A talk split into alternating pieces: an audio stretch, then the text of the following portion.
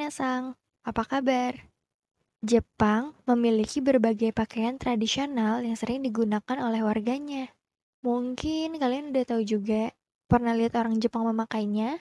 Atau kamu sendiri udah pernah mencoba memakai kimono? Selain kimono, Jepang juga punya pakaian tradisional lainnya. Ada juga yang disebut yukata. Kalau kamu ke Jepang, Rasanya nggak afdol kalau nggak mencoba mengenakan kimono atau yukata. Tapi, banyak orang yang sering keliru menyebut dan sulit membedakan kimono dan yukata. Karena bagi orang awam, seperti kita yang orang Indonesia, kedua pakaian ini terlihat sama aja. Padahal keduanya berbeda. Terus gimana ya cara bedainnya? Nama kimono itu berasal dari kata ki yang artinya memakai dan mono yang artinya benda. Kimono berarti sesuatu yang dipakai.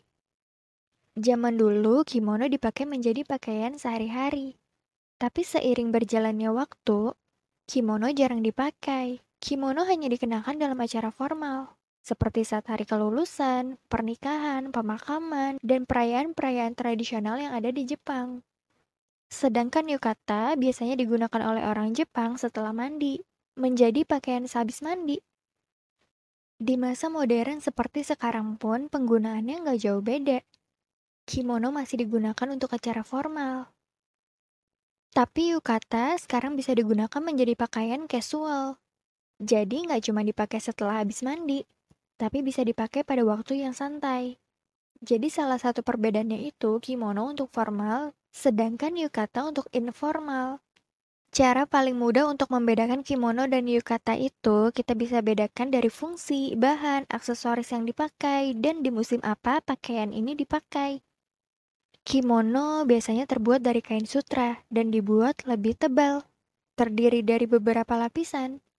Kimono ada baju bagian dalamnya sebelum menggunakan kimono itu sendiri. Kimono memiliki motif yang mengandung makna khusus.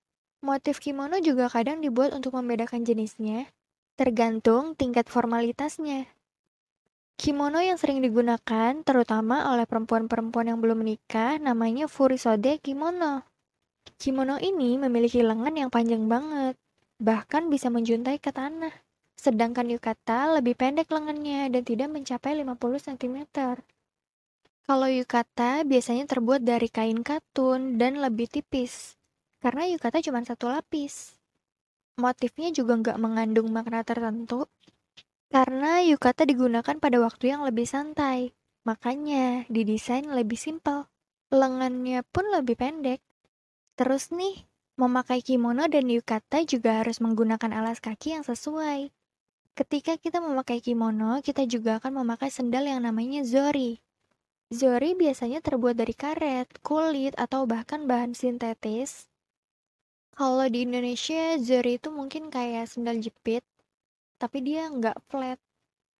Tapi selain memakai zori, sendal itu tadi, kita harus memakai kaos kaki khusus yang namanya tabi.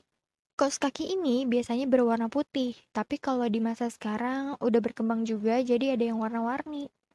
Sedangkan ketika kita memakai yukata, kita akan memakai sendal yang namanya geta. Geta itu sandal yang terbuat dari kayu dan gak perlu memakai kaos kaki. Kalau di Indonesia, Geta itu seperti Bakiak kali ya. Bakiak sekarang juga udah bagus-bagus banget modelnya. Bagian yang menarik dari kimono dan yukata itu, salah satunya ikat pinggang. Karena bentuknya yang begitu besar dan kadang berbentuk pita di bagian belakang, itu kelihatan cantik banget ya ketika dipakai. Nah, ikat pinggang itu namanya obi. Tapi, obi yukata lebih simpel dari obi kimono. Karena obi yukata cuma kain aja. Sedangkan obi kimono ada papan penyangganya supaya terlihat lebih rapi. Kimono dan yukata dikenakan pada musim yang berbeda. Kimono dikenakan pada saat musim dingin dan semua musim. Sedangkan yukata dikenakan pada saat musim panas aja. Kimono bisa dipakai di beberapa musim karena memiliki bahan yang tebal. Tapi yukata nggak bisa, karena bahannya tipis, jadi nggak cocok deh kalau dipakai di musim dingin. Kalau kamu bingung, ketika melihat seseorang di musim dingin, itu menggunakan apa? Kimono atau yukata? Sudah pasti itu kimono. Yukata akan sering kita jumpai saat musim panas. Kalau kamu di Jepang dan pergi ke tempat wisata, terus ada yang menawarkan foto memakai pakaian tradisional Jepang, ya biasanya itu yukata, bukan kimono loh ya.